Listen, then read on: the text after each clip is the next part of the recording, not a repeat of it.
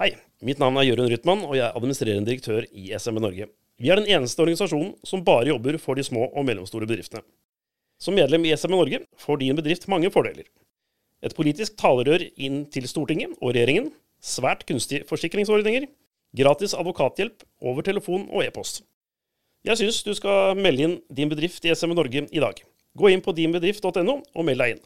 Sammen styrker vi din bedrift.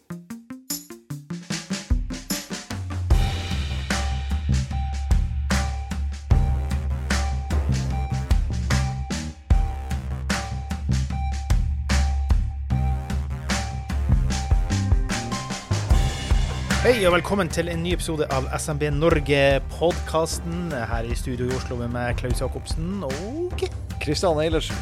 Kristian Eilertsen. En liten beklagelse til våre lyttere først, Kristian. Det må vi nesten gjøre. For at du var jo altså noe så sjelden som på en liten ferietur i den er ikke evige by, den evige romantiske by. Den evige by, hovedstaden i Italia, Roma. Ja. Og jeg hadde en liten schedule sist som gjorde at jeg måtte ut med familieærend og ditt og datt. Og så prøvde vi å gjøre noe opptak over internettet, men jeg klarte ikke engang å høre verken hva du sa. Så en podkast med hæ og ha og tja, det tror jeg ikke hadde blitt så, så veldig Nei. bra. Virkelig ikke.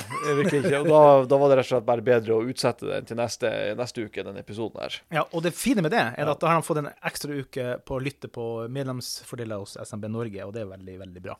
Absolutt er fantastiske medlemsfordeler som vi for så vidt akkurat har hørt eh, Jørund fortelle om i den reklamen som innledningsvis. Men hvis du har lyst til å høre litt mer om de ulike tilbudene eh, vi har, så anbefaler vi at du går tilbake og lytter til den, den forrige episoden fra SME Norge-podkasten. Yes. Eventuelt at du går på dinbedrift.no og sjekker ut eh, litt informasjon som ligger der ute. Ja, det kan du gjøre. Men du, apropos det vi skulle snakke litt om i dag, og selvfølgelig her, her må vi jo planlegge noe mer senere, for vi skulle snakke om gründervirksomhet. Og det er klart at vi kjenner jo veldig godt folk i Gründerforeninga, og vår gode mann Jørund Henning Rytman var jo med å starte Gründerforeninga. Og eh, vi har jo blant annet snakka med en tidligere gründer, Håkon Ellingsen. Absolutt. Så men vi, vi må snakke litt mer med noen hooke inn noen her, da, for å snakke litt mer om det. da, Men i hvert fall det vi skal prate mer om i dag, da. Men når du da var i Roma, så du altså Du har jo også drevet eget firma. Så du noen gründerideer der som tenkte den må jeg ta hjem til Norge? Jeg vet ikke om jeg så noen, eh, noen ideer som ikke andre allerede har tenkt på. Og det det som skiller på en måte gründeren fra alle de andre, det er jo at man kommer med en ny idé som kanskje ikke andre har tenkt på. Ja. Eller et nytt konsept som ikke er testa ut ennå. Ja. Så nei, jeg hadde dessverre ikke det fokuset da jeg var der. Jeg gikk mest og så på gamle bygninger og romerske ruiner og Ja. kunst og arkitektur. På den spanske trappa så kan du jo kjøpe espresso til 200 kroner. Er det en idé? Ja, det kaller vi for eh, tyveri. Det kommer an på hvor mye av det som er avgifter, hvor mye Men bare apropos Håkon Ja. Ellingsen. eh, Hvis noen eh, av lytterne våre har lyst til å høre den episoden på nytt igjen med Håkon Ellingsen, som snakker litt om hva han holder på med, så er det episode 17 i podkastrekka som dere kan gå inn og lytte på. Ja. Bare sånn apropos. Ja. Og eh, siden den tid, så eh, når vi snakka med han, så lå han an til å lansere disse appene sine. De skal han jobbe litt mer med, men de kommer i løpet av noen få måneder, har jeg skjønt. da. Det er Bloomful og Proper Fans, da. En ting han sa, Vi kan hoppe litt inn i det siden vi er på Håkon, for jeg noterte meg det. da, For han sa én ting. For vi skal, vi skal snakke litt om identifisere litt om hva er en god gründeridé og alle de tingene her, da. Men han sa det, for når vi spurte han altså, hvordan råd har du, så sier han ikke snakk med folk. Ikke presentere ideene for folk. Det syns jeg er litt trist å høre, men samtidig også mye sannhet i det. Er også noe jeg fikk høre mye min politiske bakgrunn. For det er så mye avundsjukhet. Det vet jo du på nordnorsk betyr. Ja, sjalusi og misunnelse. ja, så Folk har så helst lyst til å gi kritikk, i stedet for å hylle frem de gode ideene. Og det er så kjedelig. For det at, da ender det med at folk ikke presenterer sin gode idé, da. Ja, og så, vil, eh, så er det utrolig mange folk også som har en tendens til å si eh, nei, det der går ikke, det klarer man ikke, det der er umulig, og dette har man prøvd før, ikke sant? Og Ja. det er jo, Hadde man gått rundt og lytta til dem, så hadde vi aldri fått til noe eh, i det samfunnet her. For å si sånn, Det er ikke de som beveger verden, men det er jo snart tvert imot de som har litt den der gründerspiren i magen, dem som har de nye ideene, de nye konseptene, de som tør å ta en sjanse og satse. Mm. Det er jo dem som beveger verden, og dem som burde heies på, for å si det på den måten. Ja. Det var en ting uh, godeste Rytman eh, har skrevet litt uh, for en god stund siden her på dinbedrift.no, så kom det ut som en artikkel også da. Og det er en ting, ikke at vi skal starte noe EU-debatt her, men det er noe essensielt her likevel, da, fordi at uh, US News har forska litt på, på Norge og gründervirksomheter, og at Norge er på langt nær ikke like godt tilknyttet til resten av verden som de fleste europeiske land. Og i den underkategorien som Norge havner nesten nederst på lista, så er EU-medlemsland som Frankrike, Tyskland, Italia og Spania blant de beste på gründervirksomheter. Og én ting er at vi ikke er medlem i EU, men vi har jo EØS-avtalen, sant? og vi har bl.a. 30 bilaterale eh, frihandelsavtaler med 41 land.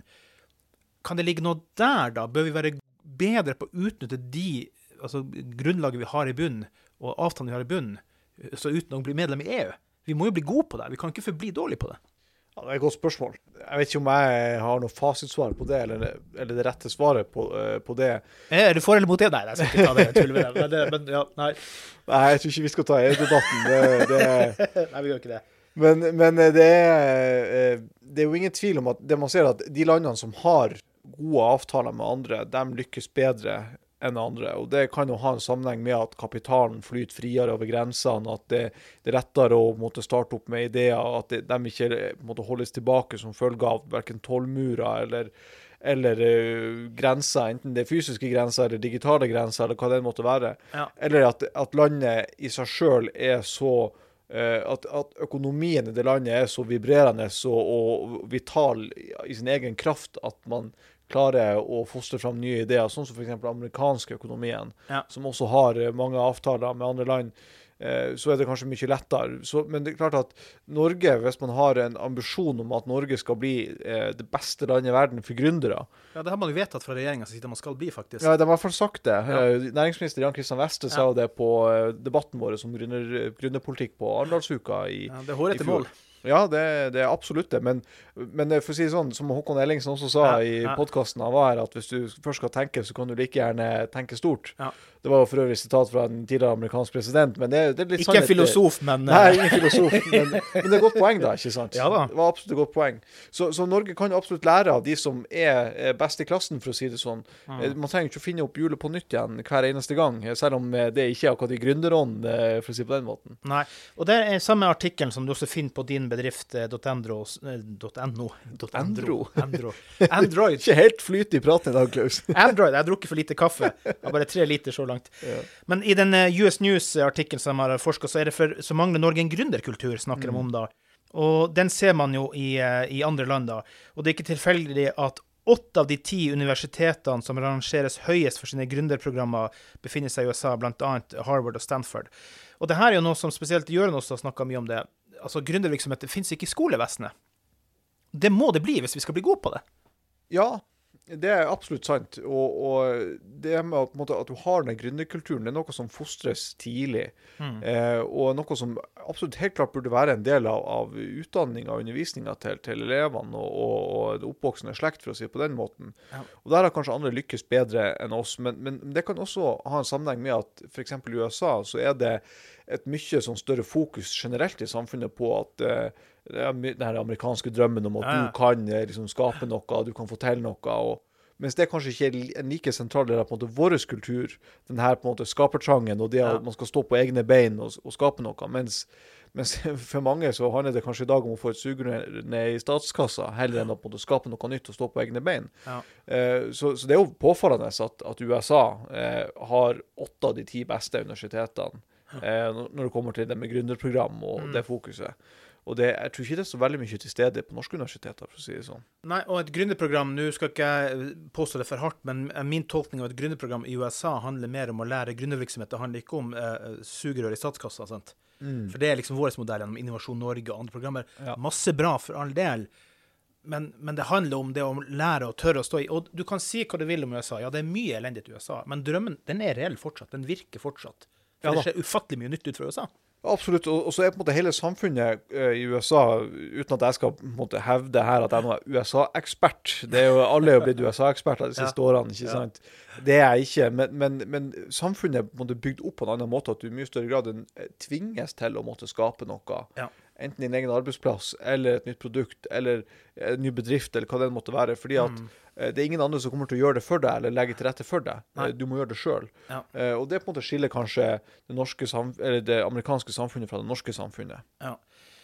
Og en ting som vi har snakket om før her, som skiller Norge negativt ut, og som jeg vet godeste Jørund er opptatt av, og, og, jeg vet ikke om det står inn i programmet til SME Norge, men det er jo det med gründervisum. Ja, det står i programmet. Det gjør det. Ja. Men kun Norge, og jeg tror det er Albania, Mm. som ikke har gründervisum i hele Europa. Mm. Det, det forteller meg ganske mye. Dessverre. Ja, absolutt. Det kan jo hende at det er sånn såkalt innvandringspolitiske hensyn som ligger til grunn for at det ikke eksisterer Det må det i være. dag. Ikke skjønner annet. Og det er derfor jeg blir frustrert over det. Fordi Ja. at smarte hode finner over hele verden. Ja, klart. klart. Nei, og, og Norge burde jo absolutt uh, Jeg har sett med på at SMB-øyene legger til rette for at smarte hoder som ønsker å utvikle nye arbeidsplasser i Norge, Mm. med utgangspunkt i Norge og kanskje norsk kapital, de burde få muligheten til, å- til å gjøre det i Norge. Uh, forutsatt at ikke de blir en belastning for samfunnet, tenker jeg. ikke sant? De får ja. trygdeytelser osv. osv. Men det, det er en et annet ting som jeg kom til å tenke på, Klaus, det er jo at eh, Norge er jo, er jo et lite land, og vi er en, en liten økonomi. men så er vi utrolig tung innenfor eh, enkeltsektorer. Eh, Mm. Og det er jo primært innenfor råvarer, ikke sant. Sånn som olje og gass, fiskeri og havbruk Ja. eh, osv. Ikke sant. Og, og det er kanskje ikke innenfor de sektorene du finner de en typiske gründerbedriftene. eh, Sånn som, sånn som folk flest tenker, da. ikke sant? Men kanskje eh, som underleverandører til disse produksjonsbedriftene, så finner du en skog av gründerbedrifter som har nye produkter som, som måte, de vil tilby til disse bedriftene. her. Ja. Mens i andre land så, så har du, er kanskje økonomien mye bredere. De står på flere bein. Ja. De er ikke så råvareavhengige, råvareorientert som den norske økonomien. Mm. Og Det kan kanskje også være med på, måte, å trigge fram denne gründerånden. Ja, uten tvil. Det er noe med at man blir satt, og så tror man at utviklingen ikke skal gå videre. Så er det jo ikke sånn menneskeheten fungerer. Det var vel sjefen i IBM som sa det, jeg lurer på nå i 47 eller 49, at datamaskin, nei, behovet kom til å bli om det var fem maskiner worldwide. Sånn ble det jo ikke. Nei. Og vi søker jo hele tida forbedring. Vi skaper noe nytt og noe bra, og så vil det alltid være noen som søker. Se på det med mikrochips nå, og avhengigheten vi har av Hongkong og Kina der nå. Selvfølgelig kommer det til å løsne opp, for det er, det er geopolitisk farlig å være avhengig av Asia. Ja, det, er vel, det er vel. Taiwan du tenker på. Sorry, Taiwan. Yes. Mm. Men, men det blir geopolitisk farlig å være foravhengig, for det ser vi hva som skjedde med Ukraina og Russland. Sant? Når vi er Mm. avhengig av gass, avhengig av diverse råvarer, og så plutselig kommer det en strid, og så har vi ikke tenkt lenge nok eller hardt nok på det. Så da kommer det til å skje noe med mikrochips-utviklinga i Europa, det er jeg ganske sikker på. Den blir dyrere til å begynne med, men så kommer den til å utvikle seg. sant? Prototypen er alltid dyrere, og så blir det billigere billigere. billigere, billigere, billigere. Det er jo økonomisk tankegang. Absolutt. Men, men det, på en måte, der er også få fram litt sånn paradokset i, også i gründerpolitikken. Mm. Fordi at eh, på ene sida, som vi nettopp snakka om, så er det eh, de landene som er eh, best knytta til resten av verden, som Mm. lykkes best også med, med, med gründerpolitikken sin. Ja. Mens eh, det, det vi har fått sett de siste to-tre årene, den, den usikkerheten det også kan skape i usikre tider, Ja. eh, med manglende eh, forsyningssikkerhet og det geopolitiske som du nevner, det gjør, man, gjør at man samtidig blir ganske sårbar. Ja. ikke sant? Så, så hvordan skal man klare å måtte, balansere de to hensynene? da? På den ene sida være åpen og tilknyttet resten av verden, uten at man blir fullstendig avhengig av et enkeltland. Eller eh, ja, det kan jo f.eks. være russisk gass, som vi har sett. ikke Ja. sant? Ja. Eh, hvordan skal man på en måte balansere de to, da? Det er det som er vanskelig, tror jeg. Og her har vi jo Og det her, dessverre, på den globale scene, så tror jeg det kommer til å sette det en god del tilbake. For den tyske modellen var jo eh, Wandel durch Handel.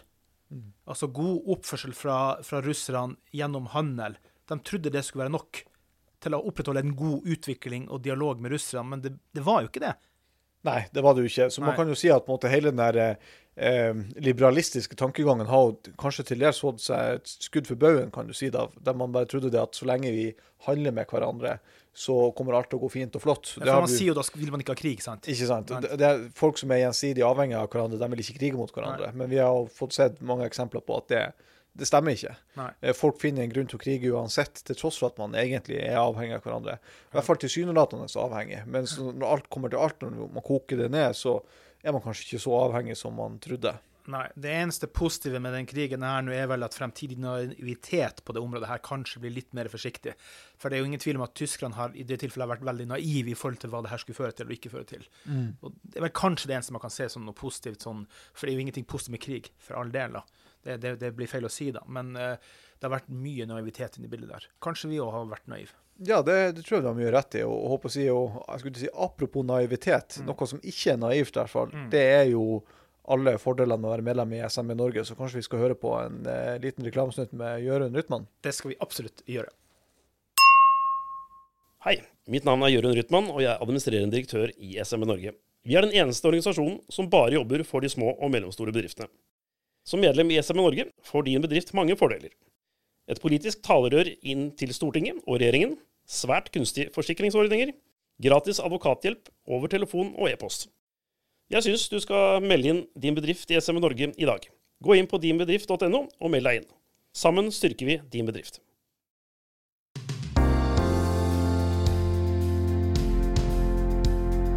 Ja, gjør som vår eh, gode venn Jørund Henning Rytman sier der. Meld deg inn i SMB Norge på dinbedrift.no for meget meget beskjeden liten sum kroner, så, så, får du masse fordeler ut av det. Og Jeg er jo sjøl medlem her og har allerede fått gode fordeler, så det, eh, det, er mye godt å hente her hvis man bare våger å ta skrittet ut i denne verden.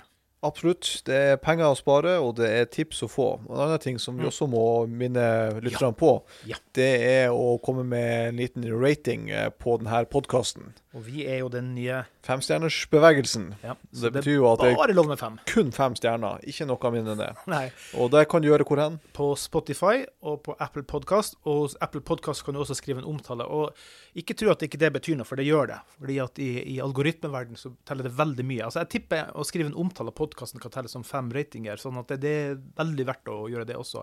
Og så må de sende tips til oss hvis det er noe de vil nå oss på. Podkast med C at smbnorge.no. Podkast med C smbnorge.no. Og sjekk gjerne også ut eh, nettsida vår steambedrift.no, eller ja. på Facebook og Instagram SMB Norge, og på Instagram SMB-Norge. Så finner dere eh, våre kanaler på sosiale medier. Der er du god, Kristian. Det skal du ha, altså. jeg kan ikke finne frem i en sånn jungel. Apropos eh, jungel. Jeg er jo sjøl jeg er jo podkastgründer. ja. Småskala gründer. Eh, fins det mikroskala? Ja, det fins. Mikro, Er det ikke noe som heter mikro-SMB også? Er ikke det også et perspektiv, faktisk? Jo, absolutt. Altså, det, er jo, det, er jo, noen selskaper som er skikkelig mikro. Og ja. Det som også er en ting som kanskje ikke alle er klar over, det er jo, eller som mange kanskje ikke er klar over, det er jo at en, en utrolig stor andel av alle bedrifter i Norge, mm. registrerte bedrifter i Norge, har altså null til én ansatt. Ja. Ikke sant? Og det er liksom på det nivået som, som din bedrift er. ikke sant? Ja, ja, ja, For du er jo ikke, du er ikke ansatt hos deg sjøl. Nei. Eh, Nei, på ingen måte. Jeg mener, husker du 300 000 bedrifter er registrert med null ansatte i Norge? Det kan nok stemme. Det er veldig høyt tall. Det er det. For jeg tror det er i overkant Jeg tror det er rundt 630 000 bedrifter, eller virksomheter, i Norge ja. totalt sett. da. Og så er det, det er godt over 50% som har null til én ansatt. Jeg tror det er faktisk over 60 også. Ja. Mm. Eh, så at det er rundt 300 000, det tror jeg nok stemmer. Ja, det var en eller annen kurs jeg fanger opp, så det er noe sett nå i hvert fall. da. Ja. ikke sett, og det, det at jeg syns er vanskelig Jeg tenkte jeg skulle også spørre deg litt om ja. det, Kristian, for du har jo også drevet firma, eller kanskje du driver mm. fortsatt, for all del. Men bare det for meg, f.eks., å starte enkeltpersonforetak for meg som har jobba i titalls år hos alle andre, aldri trenger å tenke på det å opprette firma og sånn, da så det er ikke det at man er redd, men det er det å stole på kunnskapen eh, du får da. Og jeg gikk på webinars her og der. Det var Skatteetaten, det var Vik, nei, Fiken, og det var ditt og det var datt. Kanskje det var Viken òg, for alt jeg vet. Men, for jeg ble så forvirra. Det var så lite å stole på. Ja. Det er farlig. Det føles skummelt. og Hvordan skal man få kontroll på det, liksom? Ja, altså, jeg tror, altså, det er jo du snakker om det offentlige, altså? Ja, om det offentlige. ja. Altså, fordi at, for at jeg vil ikke si at det, det er verken Eller jo, det er jo både litt farlig og litt skummelt å på en måte skulle ta steget ut og starte sin egen bedrift, men jeg tror for de aller, aller fleste så er det ganske givende også å gjøre det. Mm. Og det er litt sånn uh, Gir både mestringsfølelse, og ikke minst så er det mange som, eh, som lager sin egen arbeidsplass for resten av livet, omtrent, ja. når de starter egen bedrift. Så det er fantastisk bra å gjøre det, og det er enda flere burde gjøre det. Men klart at det, det, det er vanskelig å manøvrere i alt av regler og skjema, og ja. plutselig du skal inn i Brønnøysundregisteret, og så skal du ha samordna registermelding, og så skal du ditt og datt, og signaturrett og adresse Det er masse greier, ikke sant. Mm. Og klart at det kan jo skremme selv den beste bort fra og det å på en måte skulle starte opp eh, bedrift. Så det man kan si, er at mye av det byråkratiet som vi har i dag, det er jo ikke akkurat tilpassa folk som ønsker å starte opp en, en bedrift eller en gründervirksomhet. Det må det heller tilpassa staten og det offentlige sitt behov for ja, å hente inn informasjon og rapportere. ikke sant? Liksom, byråkratiet det er, det er, til for oss som skal ha informasjon. Ikke, det er ikke til for dem som på en måte skal utøve næringsvirksomhet og skape en bedrift. Hva møtte du på av utfordringer når du sjøl starta bedrift? Og ikke så veldig mange utfordringer. Det Kanskje største utfordringa var dette her med ja, Det var så småskala, ikke sant? Så, så, det er ikke så mye skryt, egentlig. Nei, nei, nei. Men, men eh, største utfordringa var kanskje dette her med eh, Da det begynte å bli en viss mengde på oppdragene og nivå Ja. på økonomien, sånn at man ble momspliktig. Eh, og det innslagspunktet er på rundt 50 000 kroner. Ja. Mm. Og da man passerte den grensa der, og plutselig skulle begynne å levere MVA-oppgave annenhver måned Først måtte jeg på en måte søke om å få bli tatt opp i MVA-registeret. Det er jo ikke veldig vanskelig, men det måtte gjøres. Og så er det det å levere MVA-oppgave. Og så selv om du en måned ikke har noen inngående eller utgående eh, transaksjoner, skulle jeg til å si, Så må du så må du likevel sende, ikke Ja. sant. Og det, det er lett å glemme av. Hvis, du har det, hvis du ikke har- noe aktivitet i, i to måneder, og er en liten bedrift som ikke, en måte, der du ikke driver det på heltid, Mm. eh, enda kanskje, eh, så det, kan det være en sånn ting man glemmer av. Men klart, bruker du da et sånt regnskapsprogram, enten Fiken eller, eller andre, NB, ikke reklame for et selskap, jeg bare Nei. brukte det som eksempel, eh, så, så er det sånn at eh, da kan den regnskapsprogrammet kan både varsler deg om at du må huske å levere en oppgave, og kan også levere for deg. Så det finnes mange pro program som kan hjelpe gründere med det. Det vil jo koste en krone eller to kanskje å ha det programmet. Ja. Men, eh, det, så det finnes jo muligheter. Men det var kanskje det, og det var det som jeg på en måte var det var det som jeg var mest redd for. Det var på en måte det å gjøre feil, spesielt overfor skattemyndighetene. Ja. Vet, så, at jeg ikke, så at jeg kunne få noe sånn straffeskatt eller nei, Eh, For de er ikke akkurat vennligsinna hvis du har gjort noe gærent. Nei, staten er jo den verste kreditoren du kan ha, for å si det Ja. sånn. Og den kommer og tar huset hjemme hjem fra deg for at du har glemt å levere MVA-oppgaven, Ja. uten at det var noe MVA å berette inn engang. Ikke Ja. sant? Nei, det jeg syns var mest eh, vanskelig, det var det her med når du tar kontakt med Si om det er skatteetat, eller om det er Nav, eller om det er ditt, at du stiller spørsmål, og så er det sånn det, det, er ikke, det er ikke tydelig nok, det er utvetydige svar, så du sitter og fortsatt er usikker. Hva var det jeg egentlig fikk svar på nå, hva det ikke fikk svar på nå? Og det, at ikke det man klarer å være ordentlig tydelig og klar på ting. Jeg til og med var på noen skattekurs eh, hvor jeg spurte om det med f.eks. Eh, podkasting, kan det ses på som hobbyinntekt? Meget sannsynlig var det jeg fikk som svar. Men det er jo ikke godt nok. Nei, jeg, jeg tror nok at de er, de er redd for å gi klare og tydelige svar, for de er redd for at altså For de er jo et forvaltningsorgan, ikke sant? Og, og at hvis, det, hvis du på en måte har gjort noe feil, og det her eventuelt blir en rettssak av det senere, ikke sant, Ja. vil de nødig ha, ha eh, villeda deg i sin veiledning, for å si det sånn. Og at du dermed kan fritas fra straffeplikt, for å si det sånn. Eller straffansvar, som det heter. Straffansvar. Sånn, eh, vi får nå bare se. Vi, vi, vi tipser jo selvfølgelig alle folk som står med den lille gründerspira i magen, ta kontakt med oss, eller ta kontakt med våre venner i Gründerforeninga, hva som helst. Vi skal veilede folk til. Det er derfor at det er viktig å få de rådene og være litt trygg i magen på å få bort denne litt is i magen. Og så, så er det for så vidt noe bra som også skjer i dag i, i jeg håper å si, byråkratiets verden, men, i- men regjeringa jobber jo med å få på plass denne portalen en, ei dør inn, da. Ja, Eh, ja de sier nå så, i hvert fall. Fra Ja. 50 dører til ei. Det, det er det. Og, og der er det jo sånn at der skal det bli eh, lettere å måte finne fram til alt av eh, støtteordninger og tilskuddsordninger og eh, Mm. hva, som skal, på måte, hva som skal til for å, for å starte og drive bedrifter. Du skal finne alt på én plass. Eh, og du skal, det skal være ei dør inn til alle virkemidler som det offentlige har for å hjelpe bedrifter. Ja. Og det, det er jo noe som SMB har spilt inn i flere runder at må på plass, og det er i ferd med å skje nå. og det, det er vi veldig positive til. Ja. Altså, det må jo skje noe i Norge. fordi at, som Vi snakka litt om den US News-artikkelen også før, eh, før reklamepausen her, da, med, med at det ikke ser så bra ut i Norge. da. Men hvis du tar eh, Norden, Sverige, Finland og Danmark, så er det sånn type Hvis man måler etter fem år, så er det liksom eh, Der er det liksom to-tre av ti som er gått bort og vekke, mens det, i Norge er det omvendt. Der er det to-tre som har overlevd. sant? Og da forteller det meg jo at det er, jo, det er ikke bare økonomisk og, og, og, og samfunnsmessig eller myndighetsmessig, det må være noe med kulturen òg, som ikke er tilrettelagt i Norge, da. Ja, det, det er det nok. Og, og det er jo det som vi har sagt på Kjeltringstempelet. pausen, at det er liksom at det er det amerikanske samfunnet er bygd opp på en, på en annen måte enn det norske, og, og at det, man, man jobber med å fostre en, en gründerkultur gjennom, gjennom egentlig hele samfunnet i, i, gjennom flere generasjoner, skal jeg si, og Ja. gjennom alle årene du lever. ikke sant? Enten det er i skolen eller det er i universitetene, så jobber de med å fostre denne gründerkulturen. Eh, og det, det mangler vi kanskje litt av i Norge. Men det ungt entreprenørskap er et eksempel på noe annet. Eh, der man på en måte prøver å utvikle entreprenørskapskultur eh, evnen og gründer, eh, gründerspiren i eh, elevene i dag. Ja, altså Vi er jo gamle, trauste bønder. Vi har kanskje forblitt gamle, trauste bønder. da, Mens du har det med apropos du ser eh, ungt entreprenørskap, men du har disse hva det, denne, ungdomsbedriftene de lager på skolen. Ja. Og mange av de blir det jo bedrifter av. Hvorfor tar man ikke den spiret og bygger videre på det i skoleverket, da?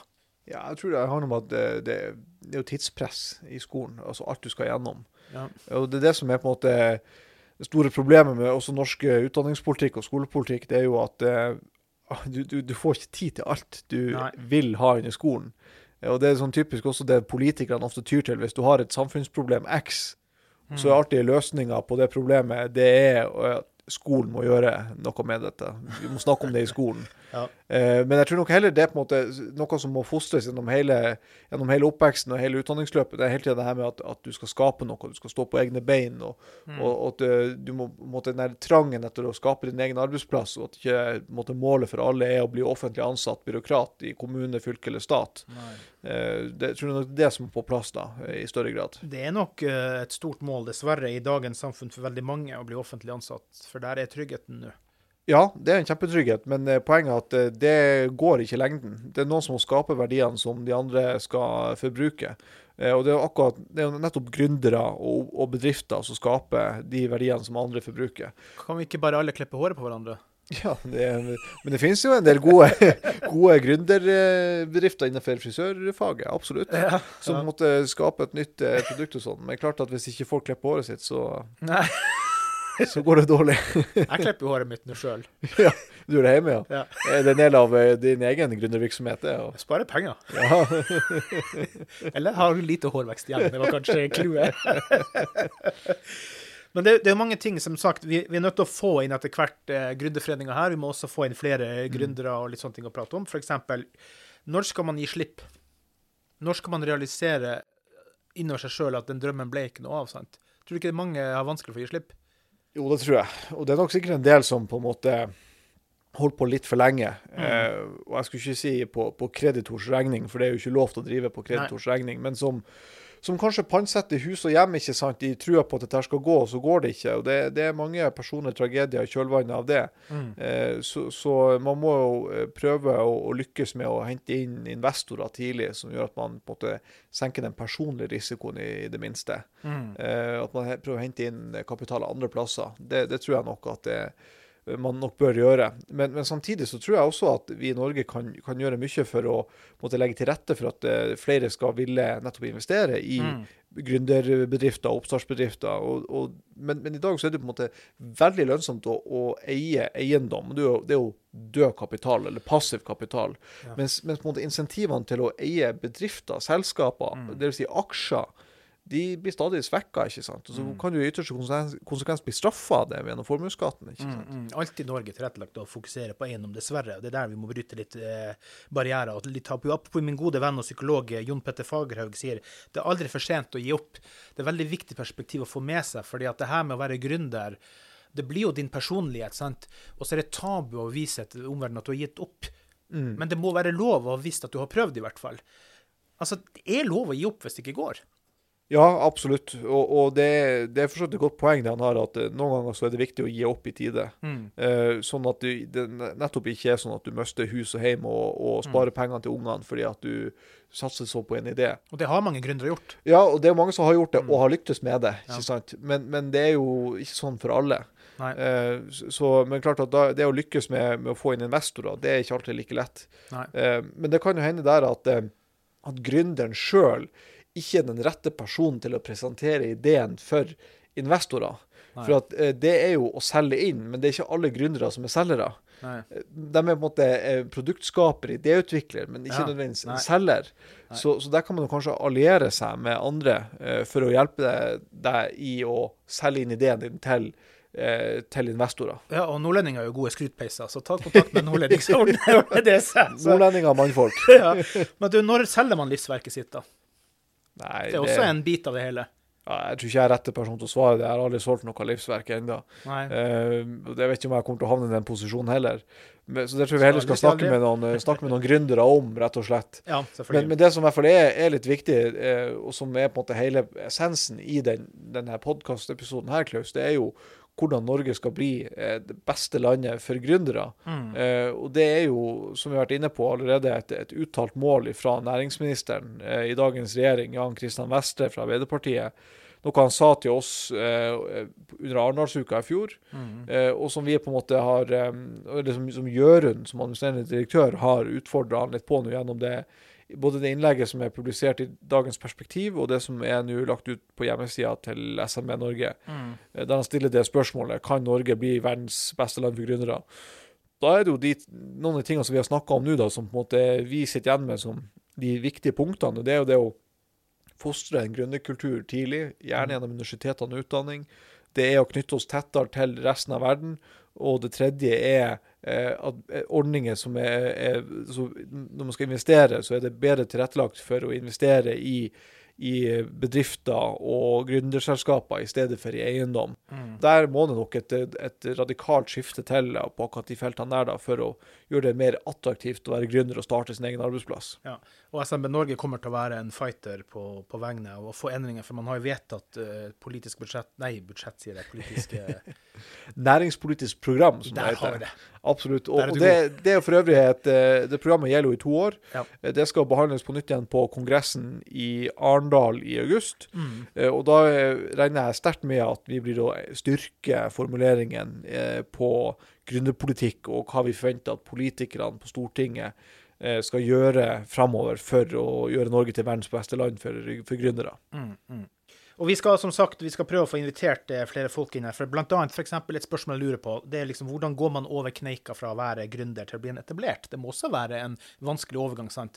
Nå er du ikke den crazy duden som skal springe rundt i gangene og orkestrere alt. Plutselig så er du en etablert bedrift med 100 ansatte. Det er også en kneik, og da igjen kommer kanskje spørsmålet når selger du deg ut, og når skal du søke noe videre? Så det, er masse spørsmål her som kanskje de som er virkelig gründere som har skapt noe stort, er bedre å svare til enn vi, selv om vi har vært noen mini-gründeretablerere. Ja, absolutt. Men hvis vi skal prøve oss på sånn der, et par skudd fra hofta, som, vi, som vi pleier å si, eh, så kan jo det ene tidspunktet er jo nærliggende å tenke at, at bedriften har eh, Altså gründerselskapet har nådd et, et tak. Der eh, man med, med det nivået man har av investorer og kapital, ikke kan, klarer å ta det neste steget.